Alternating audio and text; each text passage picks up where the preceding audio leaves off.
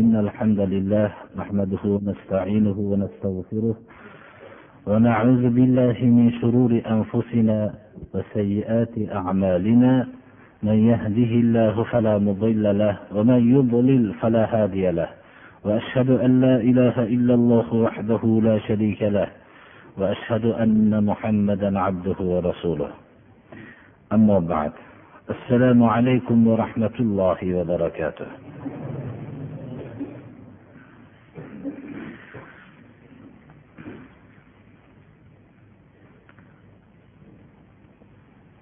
استعيذ بالله. وجاوزنا ببني إسرائيل البحر فأتبعهم فرعون وجنوده بغيا وعدوا. حتى إذا أدركه الغرق قال آمنت أنه لا إله إلا الذي آمنت به بنو إسرائيل وأنا من المسلمين.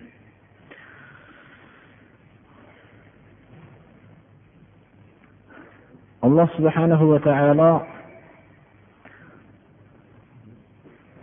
fir'avn va uning saroy odamlarini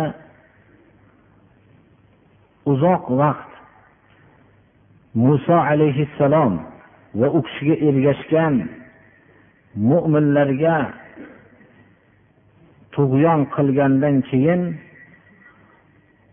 tug'yon qilgan xalqlarning ustiga ijro qiladigan sunnatini joriy qildi. Bu xalqlar qachonki tug'yonga o'tar ekan mo'minlar albatta bir sabr bosqichini bosib o'tishliklari shartdir. Alloh subhanahu va taolo mo'minlarni ichidan o'zi shahidlarni ham tanlaydi va ularning ichida ko'p ozor chekkanlarni o'zining hikmatiga muvofiq ko'p ozorlarni ularga islomning dushmanlari tarafidan yetkazadi. Va oqibat haq bo'lgan islomniki bo'laveradi.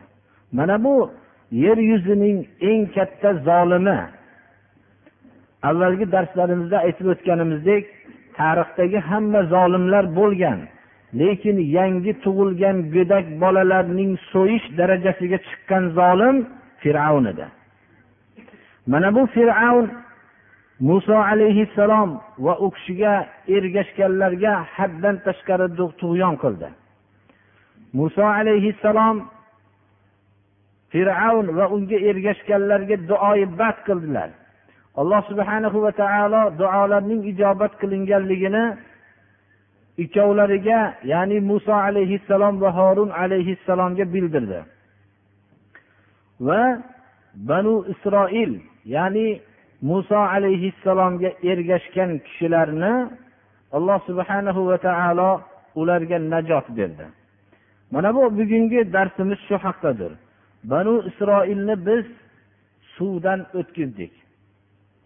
Rivoyat qilinishligicha misrdagi nil daryosidan alloh subhanahu va taolo o'zining qudrati mo'jizasi bilan banu isroilga najot berdi. Olloh buyurdi muso alayhissalomning qo'llaridagi asoni uloqtirishlikka. Orqada fir'avn va uning jamoalari quvib kelyapti. Oldida oldilarida katta bir nil go'sht urib oqib turibdi. Qochadigan joy yo'q. Olloh buyurdi asoni uloqtirishlikka. Biz bu darsimizda u asoni uloqtirilishligi bular zikr qilinmayapti. Chunki darsning mavzusiga muvofiq bo'lgan o'rinni qisqa qilib olib kelyapti. Tug'yonning oqibatini ko'rsatyapti alloh subhanahu va taolo. Boshqa suralarda alloh subhanahu va taolo muso alayhissalomga vahiy qilganligi asoni uloqtirilishlikka xullas muso alayhissalom va u kishiga ergashgan banu isroil jamoasi mo'minlar jamoasi najot topib shu nil katta suvdan alloh subhana va taoloning qudrati bilan nil oqmasdan quruq yer chiqib turdi bular o'tib ketishdilar. Fir'avn mana bu darsimizda fir'avn va uning lashkarlari muso alayhissalom va u kishi bilan birga bo'lgan banu isroilga ergashdi. Ergashib iymon keltirmoqchi bo'libmi yo'q. Va adva tajovuzkorlik sababli ergashdi. Ularga zulm qilishlik uchun zulmning yana nihoyasi bor bo'lib shuning oxiriga yetkazishlik uchun fir'avn va uning lashkarlari ergashdi. Alloh subhanahu va taolo mana bu oyatda fir'avn va uning lashkarlarini hammasini nilning katta suvi g'arq qilib tashlaganligini bayon qilyapti. Inson tug'yon qiladi.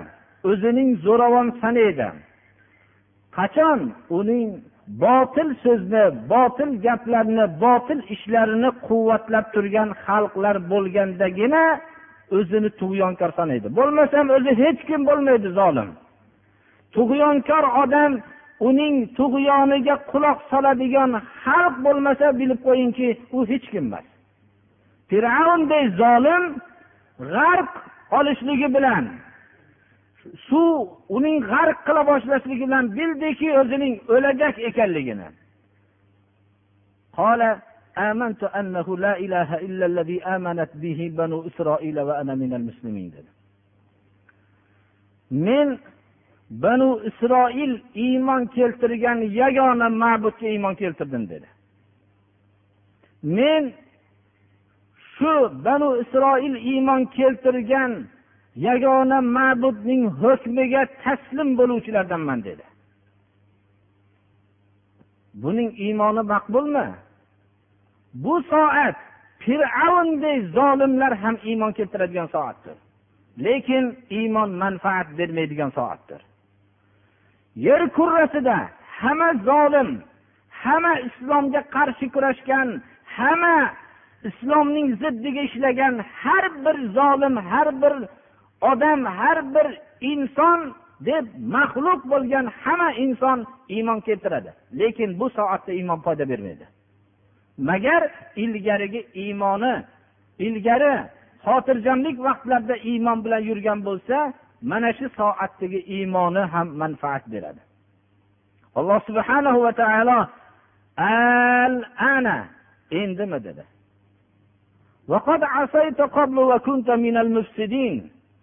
Ilgari butun itoatsiz bo'lib yashagan eding.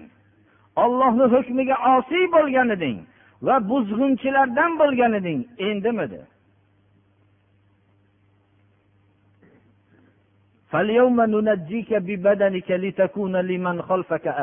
bugungi kunda seni badaningga najot beramiz. Ya'ni o'zingga emas badaningga najot beramiz.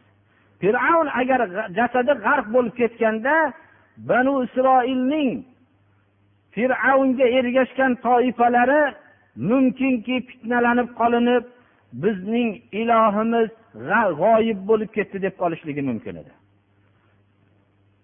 Ilohlik davosini qilgan ma'budlik davosini qilgan fir'avnning sovuq jasadini sharmandalik holatda insonning jasadi sovuq jasadi hech qanday narsa emas ekanligini ko'rsatib turadi. Mana bu sovuq jasadi qarang tarixdagi zolimlarni hammasining sovuq jasadini bir shuni ko'z oldingizga keltiring hech kim emas ekanligini ko'rasiz. Bugungi kunda sening jasadingga najot beramiz. O'zingni orqalaringda turgan kishilarga ibrat bo'lishligi uchun. Ya'ni yagona ma'budman deb ilohman deb davo qilgan mana bu jasadni ko'ringlar deb ibrat bo'lishlik uchun. Odamlarni ko'pi bizning mo'jizotlarimizdan g'ofildir deyapti alloh taolo. Men bu yerda hozirgi zamonda hozirgi olimlar tarafidan muso alayhissalom davrida o'tgan fir'avnning fir'avn misr viloyatiga podshoh bo'lgan odamlarni fir'avn deyilgan birodarlar. Shu fir'avnlar ichida bir necha fir'avnlar o'tgan. Muso alayhissalom davrida o'tgan fir'avn eng katta zolimdir. Shu fir'avnlarning jasadini topilganligini olimlar rivoyat qilishyapti. Lekin bu topilgan jasadlarning ichida muso alayhissalomning davrida o'tgan bir fir'avnning jasadi hech qanday mumyoyu boshqa bir dorivor iste'mol qilinmagan deyapti. Va shu jasadning turganligi hozirgi olimlar shuni rivoyat qilishyapti. Biz buning to'g'ri noto'g'ri bo'lishligidan qat'iy nazar. Vallohu alam shu oyatning ma'nosi shunday emasmikinki bugungi kunda senga bir najot beramiz jasadingga najot beramiz.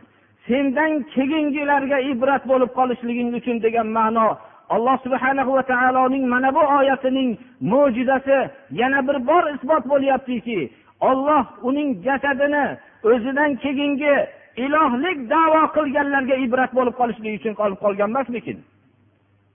Mana bu narsadan biz o'zimizga qiyomat kunigacha ilohlik davosini qilgan zolimlar fir'avnning sovuq jasadini ko'rib sen agar o'zingning zulming tug'yoning shu fir'avncha bo'lar mana bu ilohlik davo qilgan sovuq jasad deb sendan kel o'zingdan keyingi qolganlarga ibrat bo'lib qolishligi uchun jasadingga bibadanika qur'oni karim iborasi juda daqiqdir birodarlar. Bibadanika badaningga najot beramiz deyapti. Va shu bilan birga bilaylikki ollohning irodasi bilan shunday ashaddiy zolimning ham jasadi qolishligi mumkin lekin bu narsa uning ulug'ligiga dalolat qilmaydi. Hamma millatlarning shunday jasadi qolgan zolim o'zining peshvo deb atalgan odamlari bor lekin ular hech qanday alloh subhana va taoloning huzurida ulug'ligiga dalolat qilmaydi bu narsa. Odamlarning ko'pi bizning oyatlarimizdan g'ofil deydi alloh taolo.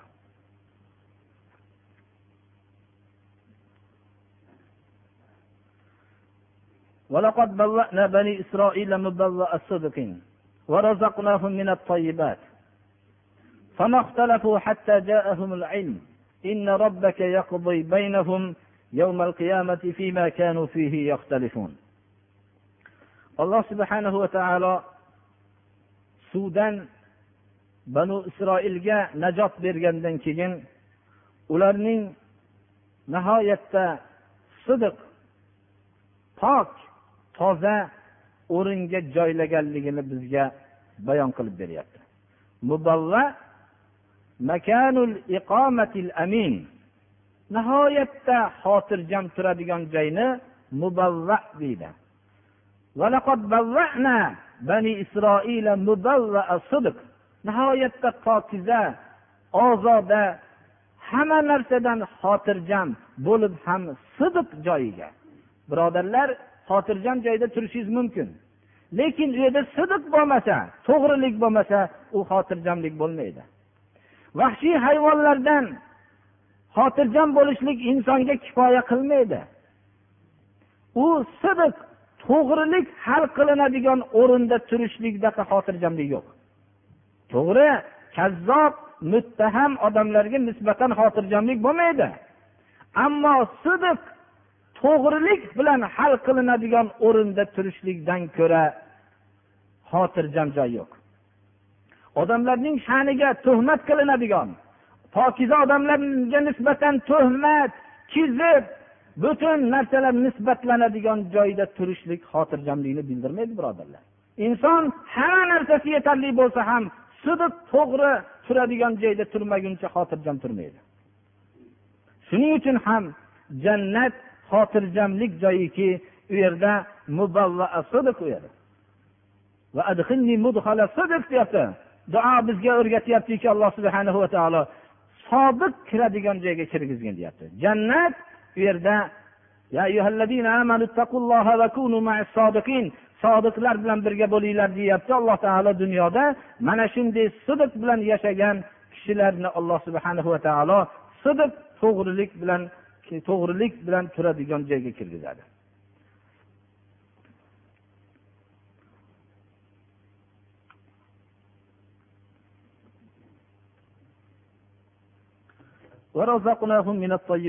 Banu isroilga najot bergandan keyin pokiza narsalar bilan pokiza ne'matlar bilan rizqlantirganligini bayon qilyapti alloh taolo. Ular ma'lum bir davr shunday yashashganliklarini ijmoliy suratda qur'oni karim ishora qilib undan keyin bular o'rtalarida yana ixtilofni davom ettirishganligiga ishora bo'lyapti.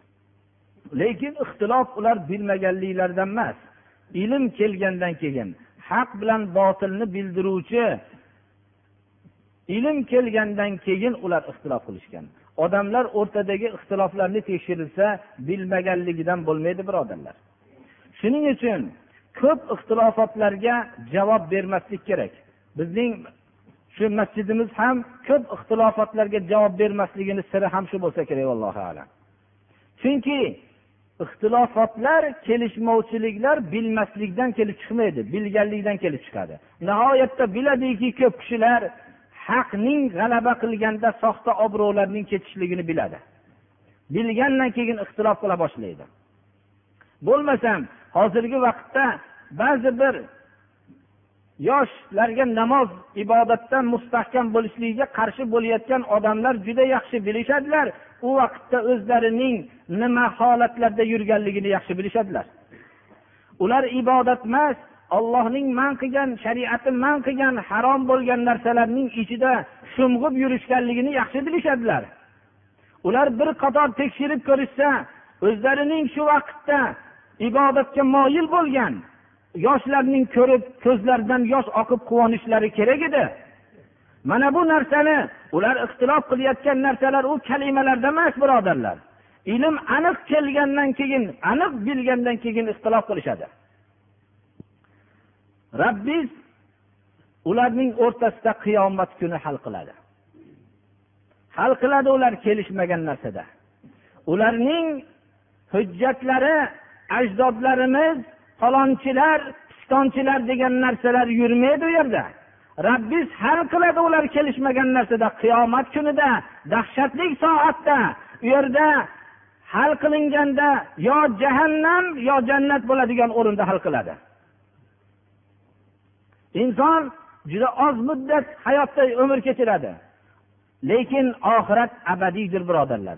Yo abadiy saodat yo abadiy badbaxtlikdir. Ikkovidan boshqacha narsa yo'q birodarlar. Alloh subhana va taolo ularning o'rtasida qiyomat kuni kelishmagan narsalari haqida hukm qiladi. Rasululloh sollallohu alayhi vasallam risolat vazifasini o'tayotgan vaqtlarda xususan makka muhitlarida ko'p ozorlar chekdilar. Hatto iymon keltirgan kishilar u kishiga juda ozchilik edi. Ularning boshlariga tushayotgan musibatlar inson toqat qilib bo'lmaydigan darajada musibatlar edi. Zohirda bularga qarshi zulm qilayotganlarning ishi yurib ketayotganga o'xshagan ko'rinardi. Hamma vaqtda ham haqiqiy mo'minlar ko'p ozorlarni chekkan vaqtida hayoliga keladiki albatta iymoni olloh ko'rib turibdi degan e'tiqodi bo'ladi mo'minni.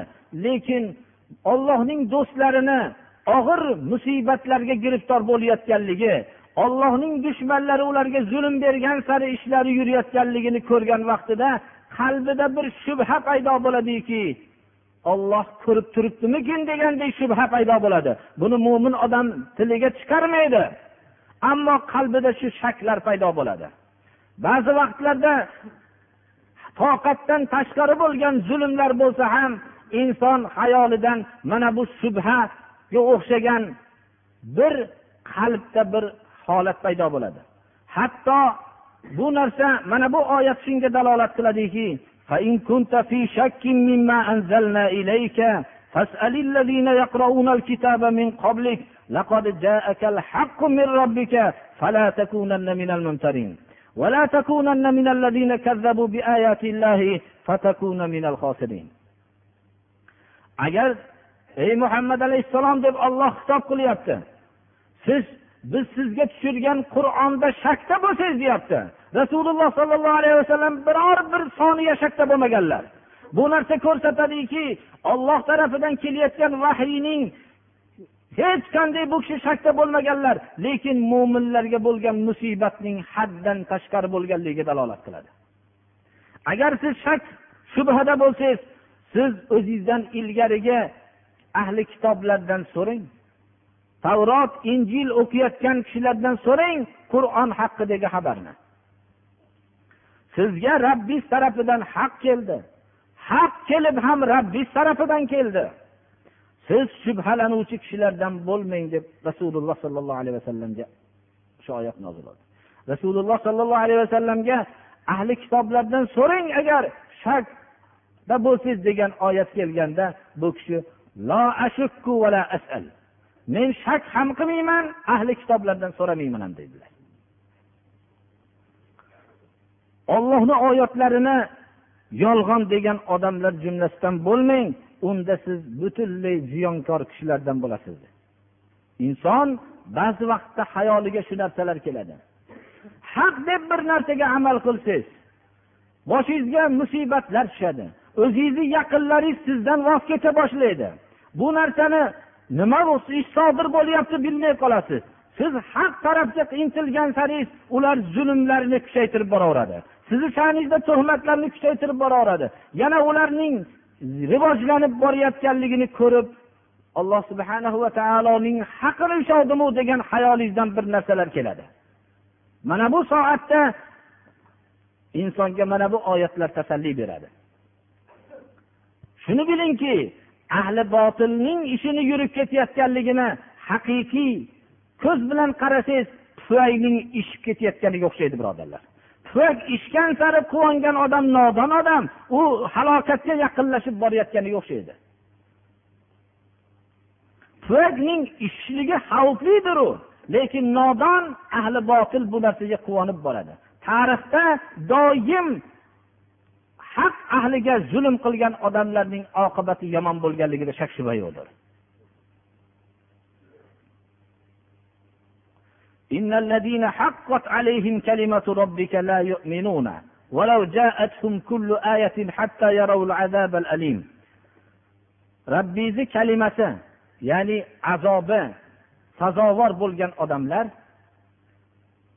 jahannamga o'tin bo'lishligi muqarrar bo'lgan odamlar dunyoda rabbiyni azobi kelishligi muqarrar bo'lgan odamlar iymon keltirmaydi ular Ularga haqni aytgan sari ularning zalolati kuchayib boraveradi. Hamma mo'jizotlar kelsa ham iymon keltirmaydi. Sehrgar deyishib qo'yadi. Bu aytadi hozirgi vaqtda tabiat qonuni deyishib qo'yadi. Har qanday narsani talab qilgan bo'lsa siz uni olib kelsam iymonga kirib qolarmikin deb o'ylamang. Alamlantiruvchi azobni ko'rmaguncha iymon keltirishmaydi. Ular fir'avnga ergashgan odamlar.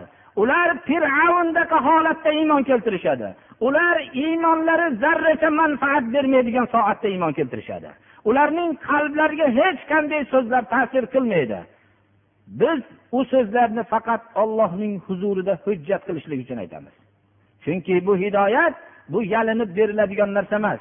Hidoyat u xohlamasa ham qalbiga kirib yalinib kiradigan narsa emas. Hidoyat tashna bo'lgan qalbgagina kiradi arzimas narsalarni odamlar birovga yalinib bermaydi. Hidoyat bu abadiy saodatga olib boradigan hidoyat abadiy badbaxtlikdan qutulishlikka sabab bo'ladigan ne'matdir. Bunchalik qimmatbaho narsa qalblarda hidoyatga tashnalik rag'bat paydo bo'lganda alloh subhanahu va taolo tarafidan keladi.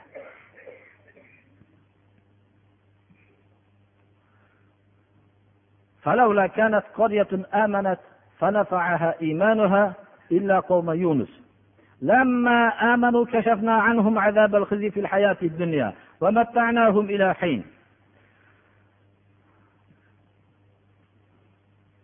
bu alloh subhanahu va taolo yunus alayhissalomning yashagan diyorlarga ishora qilib biz tafsir qilib dars qilib o'rganayotgan sura o'zi sura yunus birodarlar. Bu shahar iymon keltirsa bo'lmasmidi? Va iymoni manfaat qilsa bo'lmasmidi? Ular iymon keltirmadi magar yunusning odamlari iymon keltirdi. Illa qavma yunus. Alloh subhanahu va taolo shu diyorni halok qilib tashlaydigan azobni azob jo'natishlik bilan iymonni qabul qilmasa halok bo'lishligiga olib boradigan azobni kelish oldidan bular iymonlari sababli ulardan bu rasvo qilib sharmanda qiluvchi azobni ulardan ko'tardi. Iymon keltirishganda ulardan sharmanda qiluvchi azobni ulardan ko'tardik fil hayati dunyo ya'ni dunyo hayotida shu ulardan azobni ko'tardik ya'ni ular dunyodagi tayin qilingan muhlatgacha umrlari boricha ularni foydalantirdik deydi alloh taolo ولو شاء ربك لآمن من في الأرض كلهم جميعا أفأنت تكره الناس حتى يكونوا مؤمنين rasululloh sollallohu alayhi vasallam ummatning hidoyatiga juda haris edilar haris bo'lib odamlarning iymon keltirishligiga juda ham rag'bat qilardilar. Shu hamma qalbi toza odam rag'bat qilganiga o'xshagan. Alloh subhana va taolo bu rasululloh sollallohu alayhi vasallamning rag'batlari bilan iymon vujudga kelmasligini bayon qilyapti.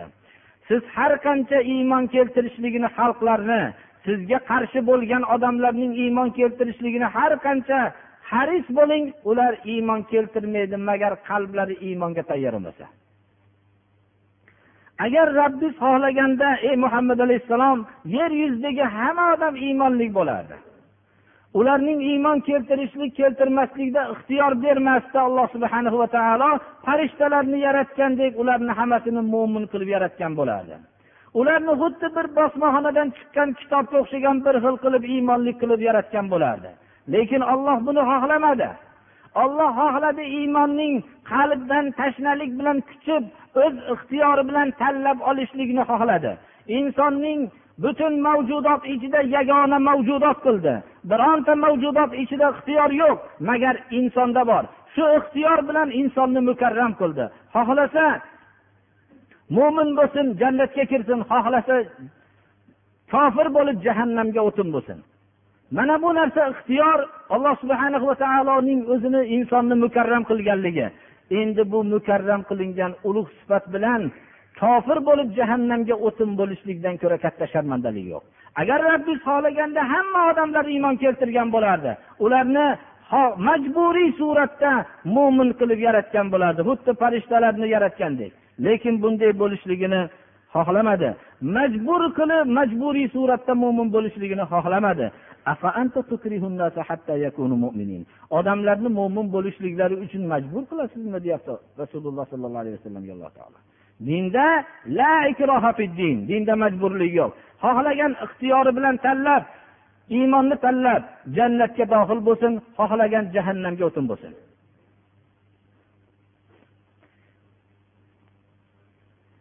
وما كان لنفس أن تؤمن إلا بإذن الله ويجعل الرجس على الذين لا يعقلون biror kishi uchun iymon keltirishlik ollohni iznisiz mumkin emas ollohning tavfiqsiz iymon keltirishligi mumkin emas agar ollohning izni olloh xohlamadiki birovlarning majburiy suratda iymon keltirishligini xohlasa qalbidan tashnalik bilan bo'lishligi bilan olloh hidoyat qilishligini xohladi. Shuni yaxshi bilishimiz kerak. Agar biz xohlagan odamlar mo'min bo'lishligi bo'lganda hamma o'zi yaxshi ko'rgan kishilarni iymon safiga olib kirib olgan bo'lardi. Lekin ularning qalbida iymonga tayyorgarlik bo'lmagandan keyin siz qanchalik gapirgan bo'lsangiz shunchalik iymondan qochaveradi ular.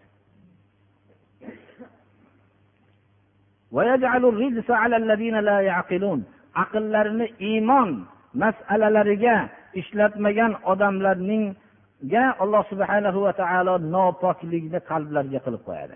Ular aqllarini ko'ring yer yuzida juda ko'p aqlli odamlar bor. Lekin iymon masalalariga aqllarini yuritmagan. Yuritmaganligi sababli oddiy bir aqlli kishilar iymon bor iymon bilan dunyoyu oxiratda saodatga erishishadi. Ular o'zlarining o'zlaridan boshqada aqli yo'q deb davo qilib yurgan odamlar ular bo'lsa aqllarining iymon masalalarida yurgizmaganligi sababli jahannamga o'tin bo'lib borishadi. Ular nopoklik ularning qalblariga egallab olganligi uchun shunday. Shunchalik aql idrok bilan oddiy iymon masalalarining haqida o'zi o'ylab ko'rmagan. Qani aqlli odamlar o'ylasin. Bu murakkab olam qayerdan kelib qoldi. Bu yerda inson qanday bo'lib vujudga keldi? Insonning avvali nima? Hayotning avvali nima? Mana bu masalalarga javob bersin. Ularning javoblari tush hammasi. Aytsinki dunyoning avvali shu bo'lgan. Ho'p uning avvali nima bo'lgan? Misoli shunga o'xshaydiki misol ularning aytayotgan so'zlari. Tovuq nimadan vujudga kelgan? Tuxumdan chiqqan. Tuxum nimadan chiqqan? Tovuqdan chiqqan. Mana shunga o'xshagandi birodarlar. Savol javoblar faqat so'z o'yiniga o'xshagan. Lekin insonning tabiati insonni majbur qiladi agar aqlini ishlatsa. Qani bu murakkab olam qayerdan kelgan? Oddiy narsani o'z o'zidan bo'ldi desangiz sizni nodon deyapti jinni deydi majnun deydi. Ammo bu har bir mo'jizotlarni o'z iziga olgan bu olam qanday vujudga kelgan? Uning javobini misoli xuddi shunga o'xshaydi. Ayni shunday emasmi birodarlar? Shuning uchun inson iymon masalasida o'ylanishlik uni majbur qiladi iymon tarafiga yurishlikka har bir insonning o'zidagi mo'jizotlar har bir koinotdagi mo'jizotlar yaratuvchining yagona ma'bud ekanligiga majbur qiladi insonni shuning uchun alloh subhana va taolo aqllarini shunday ishlatmagan iymon masalalarida ishlatmagan odamlarning qalbiga nopoklikni qilib qo'yadiki ular ixtiro qilgan narsalar juda katta narsalar bo'laveradi. Lekin oddiy iymon masalasiga kelganda hech kim bo'lmay qolaveradi. Hattoki ixtiro qilgan narsalar bashariyatning manfaatidan uning zarariga xizmat qiladi. Agar hozirgi vaqtda ko'p narsalarni ixtiro qilib qo'ygan odamlar o'zlarini o'tib ketishdilar o'tib ketgan qaytib bir tirilib kelib o'zlarining ixtiro qilgan narsalari insoniyatning foydasi uchun o'ylashgan edi endi uning zarariga xizmat qilayotganligini ko'rganlarda insoniyatdan uzr so'rashgan bo'lardi deyman men. Chunki hozirgi vaqtda inson tarafidan ixtiro qilingan narsa e, bashariyatning ustida qattiq bir qo'rqinchli dahshat bo'lib turibdi.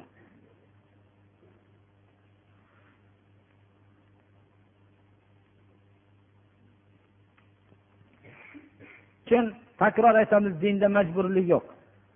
Biz aqidaga bizni islom biror daqiqa ham majbur qilgan emas xohlagan mo'min bo'lib yashasin xohlagan kofir bo'lib yashasin mo'min bo'lganlarga jannat kofir bo'lganlarga jahannamdagi o'tin bo'lishlikni va'da qilgan mana bu narsani biz yaxshi tushunishimiz kerak biror marta islom odamlarni aqidaga majbur qilgan emas قل انظروا ماذا في السماوات والأرض وما تغني الآيات والنذر عن قوم لا يؤمنون ayting ey muhammad alayhissalom odamlarga koinotu yerda nimalar bor? Qaranglar. Lekin juda ko'p narsalar juda ko'p mo'jizotlar bor. Ollohning yakkaligiga dalolat qiluvchi alomatlar ogohlantiruvchi narsalar bor. Bular iymon keltirmagan odamlarga foyda bermaydi. Ular bu narsani tabiat qonuni deb bitta so'z bilan hammasini aytadi. Nima tabiat? Ayting ana shu tabiat. U tabiat qaysi tabiat? U ko'r tabiat. Kar eshitmaydi tabiat u. u qanday bir qonun chiqaradi? Qanday uni ko'r kar bo'lgan tabiat o'zining qonunini yurgizadi? Tabiat nima? U katta bir kuch egasi jonsiz narsa qanday katta kuch egasi bo'ladi? Ular yagona ma'bud deyishlikka tillari kelmaydi. U butun qonuniyatni o'zgarmas qonuniyatni yaratgan koinot va insonda va o'zgarmas bir nozik nuqtalar bilan yaratgan zot yagona ma'bud bu olloh subhana va taolo insonlarni yaratuvchi degan so'zga tillari kelmaydi. Mana bu narsaga insonni aqlini ishlatishlik majbur qiladi birodarlar. Koinoti yerda nimalar borligini qaranglar. Alloh subhana va taoloning bu buyrug'ini musulmonlar birinchi labbay deyishdilar. Islom olamida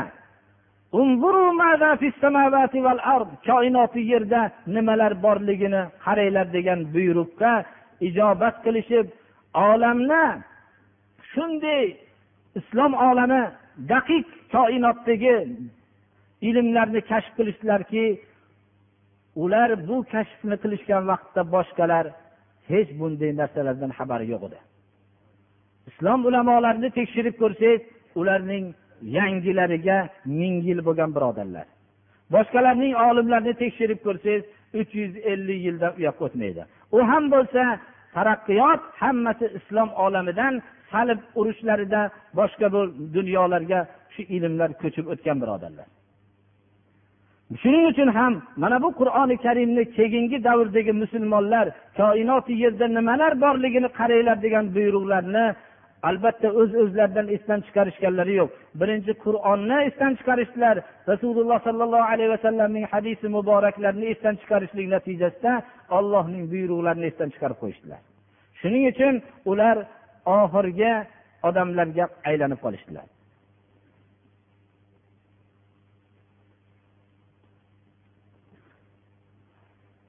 ينتظرون إلا مثل أيام الذين خلوا من قبلهم bu zolimlar ey muhammad alayhissalom sizga zulm berayotganlar o'zlaridan ilgarigi o'tgan zolimlarning kunlariga o'xshagan kundan boshqa kunni kutishayotgani yo'q. O'tgan zolimlar fir'avn g'arq bo'ldi. Samud bularni alloh subhanahu va taolo yer bilan yakson qildi. Ot qabilasini shamol bilan yo'qotib tashladi. Bular eng moli davlatda jismdek quvvatda eng yuksak bo'lgan odamlar edi. Mana bu zolimlarning tarixdagi hamma zolimlar xalqlar tarafidan ham farishtalar va alloh subhana va taolo tarafidan malun bo'lib qolishdi. Shuni kutishyaptimi ular. Qul ayting ey muhammad alayhissalom sizlar ham kutinglar men ham kutaman deng. Ya'ni bunday so'zni aytolmagan kishi tamomiy ozorlarni chekayotgan soatda shunday so'zni aytolmagan kishi albatta olloh tarafidan bo'lgan va'da bilan bog'lanib turgan kishigina aytolmaydi. Mo'minlar ham shu oyatni o'qigan vaqtida bu payg'ambarlarga xosmikin degan hayollaridan o'tgan bo'lsa alloh subhana va taolo o'zining ilmi azalisi bilan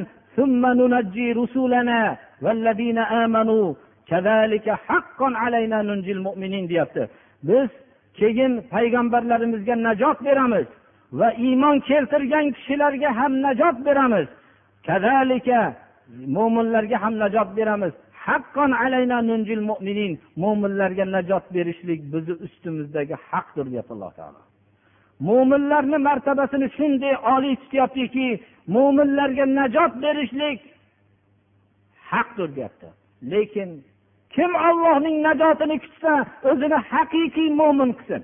Avval. Ollohning va'dasini bu bilmoqchi bo'lsa haqiqiy mo'min qilib tarbiyalasin olloh tarafidan bo'lgan va'da haqdir. U albatta mo'min odam najot topadi.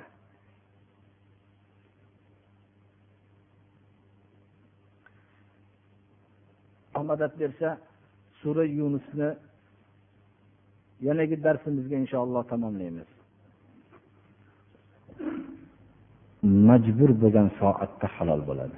Masalan ochlikdan o'ladigan bo'lganda to'ng'iz go'shtini yeyishligi o'lmagudek miqdorda yeyishligi halol bo'ladi. Zerikish bilan o'lib qolmasa kerak albatta. Bu ya'ni bu bu majbur bo'lgan soatda shariat harom qilgan narsa halol bo'ladi. Musiqa haqida aytgan so'zimizga ko'p kishilar qarshilik mana shunaqa deb ko'p hatto ba'zi ibodatda yo'q kishilar hozirgi bu ba'zi narsaga qarshi degan so'zlar aytilibdi. Birodarlar biz buni masjiddagi odamlarga aytyapmiz namoz o'qigan ro'za tutgan odamlarga aytyapmiz. Biz boshqalar bilan ishimiz yo'q birodarlar. Tushunarlimi? Shuning uchun biz namoz o'qigan ro'za tutgan ertaga nima narsalar bizdan harom nima narsalar halolligi so'raladigan Uhm, zotni huzuriga boraman degan odamlargagina nisbatan bu gaplar? O'zi bahona qilib nima qilmoqchi bo'lgan odam har qanday yo'llar bilan bahona qilib olaveradi. Biz unaqa bahonalari bilan bir narsani biz ularga quloq solmaymiz. Biz shariatda nima durust durust emas. Mana shu narsa haqida gapiramiz. Mana masalan bir kishi so'rabdilarki xudo tepamda turibdi degan iborani eshitamiz shunday deyish mumkinmi? dedilar ya'ni albatta biz alloh subhanahu va taolo osmonda deyishligimiz kerak. Tushunarlimi? Tepamda degandan murod osmon samo deb ollohu masalan ya'ni alloh subhanahu va taolo samoda arab tilida samo deb tepani aytilinadi shuning uchun biz qaysi makondaligini alloh subhana va taolo qayerga o'rnashgan bu haqda biz bahs yuritmaymizu lekin samoda deymiz tepada deymiz. Albatta alloh subhanahu va taolo osmonda biz o'zbek tilida samo osmon ma'nosiga tarjima bo'ladi. Buni deyishimiz shart balki. Durustmi deb so'ralibdi yaxshi gap bo'ldi bu ham. Bilmadim kim tomonidan bo'lsa ham. Bu savolga shuki birinchidan islom olamida bunaqa juda e, ko'p setlarni qilib berilgan emas birodarlar. Endi alloh subhanava taolo bir kishiga kasbni berib shu bir odamga shunaqa bir oila qurilgan nimaga yordam berishlik maqsad desa lekin buni osishlik buni ma'nosi yo'qda.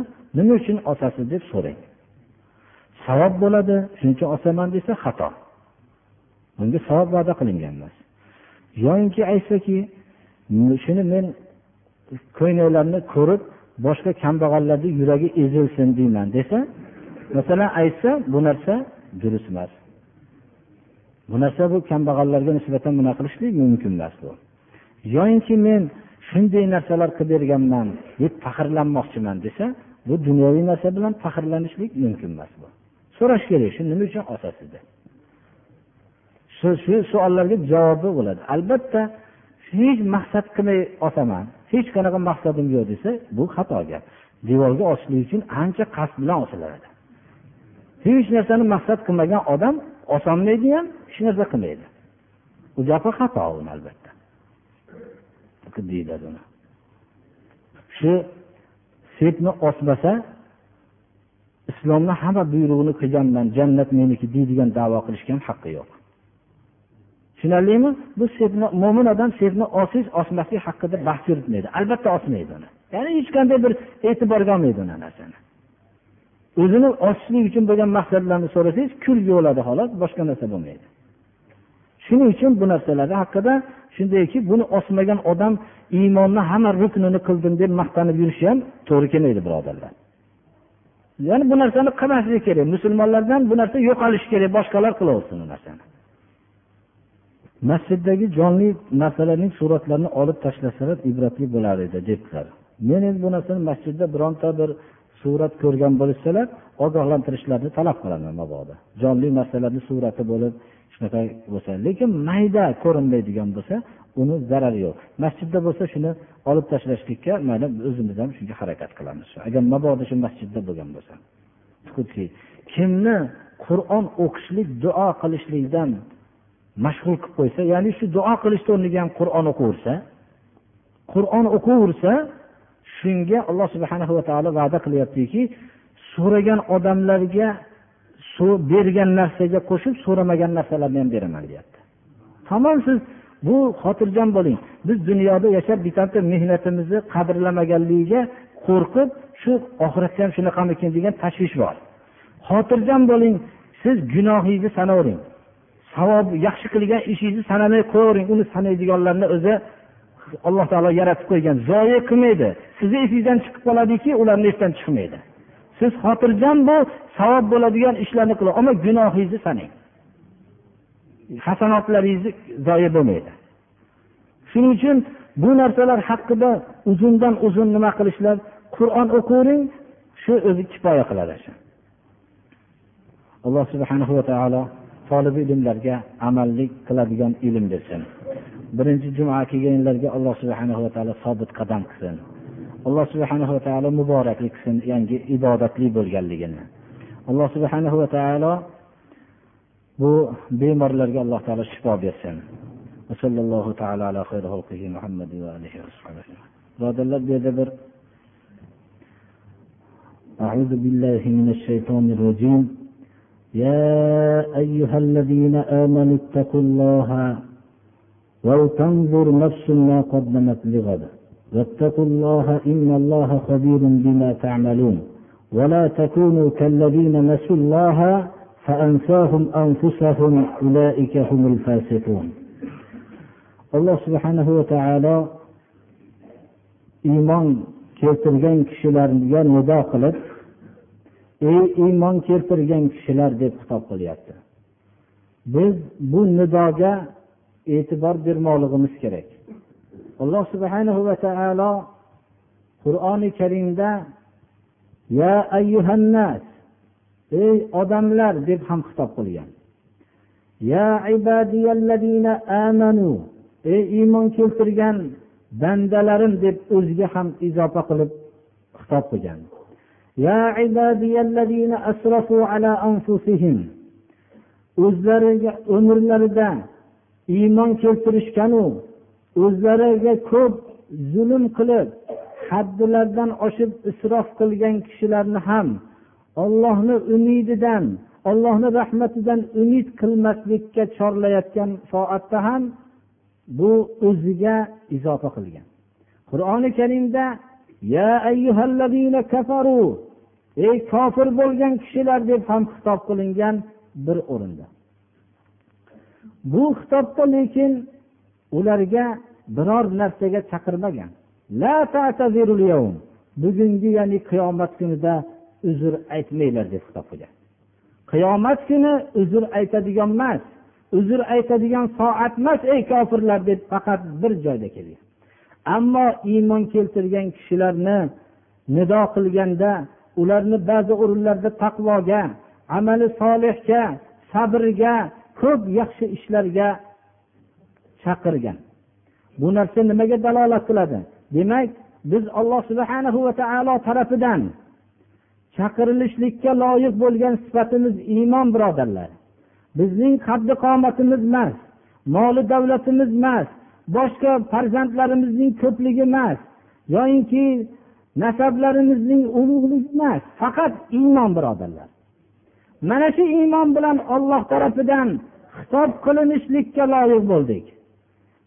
Bir necha emas juda ko'p marta va bo'lib ham o'zining azaliy kitobida nido qilinishlikka loyiq bo'ldik. Shuning uchun bu iymonni biz qadrlashimiz kerak. Bu iymonni o'tgan mo'minlar qadrladi. Bu yo'ldan ashabul uhdud surai burujda bayon qilingan lahcha cho'g'ga uloqtirilgan vaqtida ham bu iymon qadrli bo'ldi jonlardan ham. Ashobi muhammad alayhissalom iymondan barqaror bo'lishlikda namuna bo'ldilar qiyomatgacha bo'lgan mo'minlarga shuning uchun biz olloh tarafidan xitob qilinishlikka loyiq bo'lgan bu sifatni biz e'tiborga olmoqligimiz kerak. Agar bu sifatni yo'qotsak ollohni e'tiboridan tushamiz.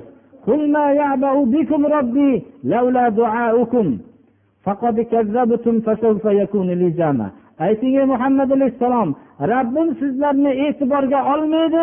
Agar duoiylar ya'ni iymoniylar bo'lmasa deb mana bu tafsirlarda shunday deyiladi. Iymon bo'lmasa sizlarning qadringlarga biror e'tiborga olmaydi alloh subhanahu va taolo. Ey iymon keltirgan kishilar ollohdan taqvo qilinglar deyapti. Va har bir kishi ertaga qiyomat kuni nima hozirlagan buni bir qarab qo'ysin. Inson oddiy safarga ham nima tayyorgarlik ko'rganligini bir necha marta qaraydi. Bu og'ir safarga abadiy safarga chiqayotgan vaqtida bu juda ham yaqin safarga oddiy safarlar muddati uzoq bo'lsa ham tayyorgarlikni avvaldan qiladi. Lekin bu uzoq safar va yaqin safardir juda. Ertaga bo'ladigan soat deb alloh subhana va taolo qiyomatni qur'oni karimda erta bilan yod qildi. Nihoyatda yaqinligidan inson har qancha uzun umr ko'rsa ham bir pasda tamom bo'lgandek bir kun yashagandek bo'lib ko'rinadi. Mana bu ertaga nimani hozirladi buni bir qarab qo'ysin. Ollohdan qo'rqinglar olloh sizlarning qilgan amalinglardan xabardordir. Ollohning amalimizdan xabardor ekanligini bilganimizda birodarlar juda ham bir oddiy bir kishi bizni qilayotgan amalimizni nazorat qilib turganligini bilsak amalimizni yaxshilaymiz. Alloh subhana va taolo hammamizga taqvoni nasib qilsin.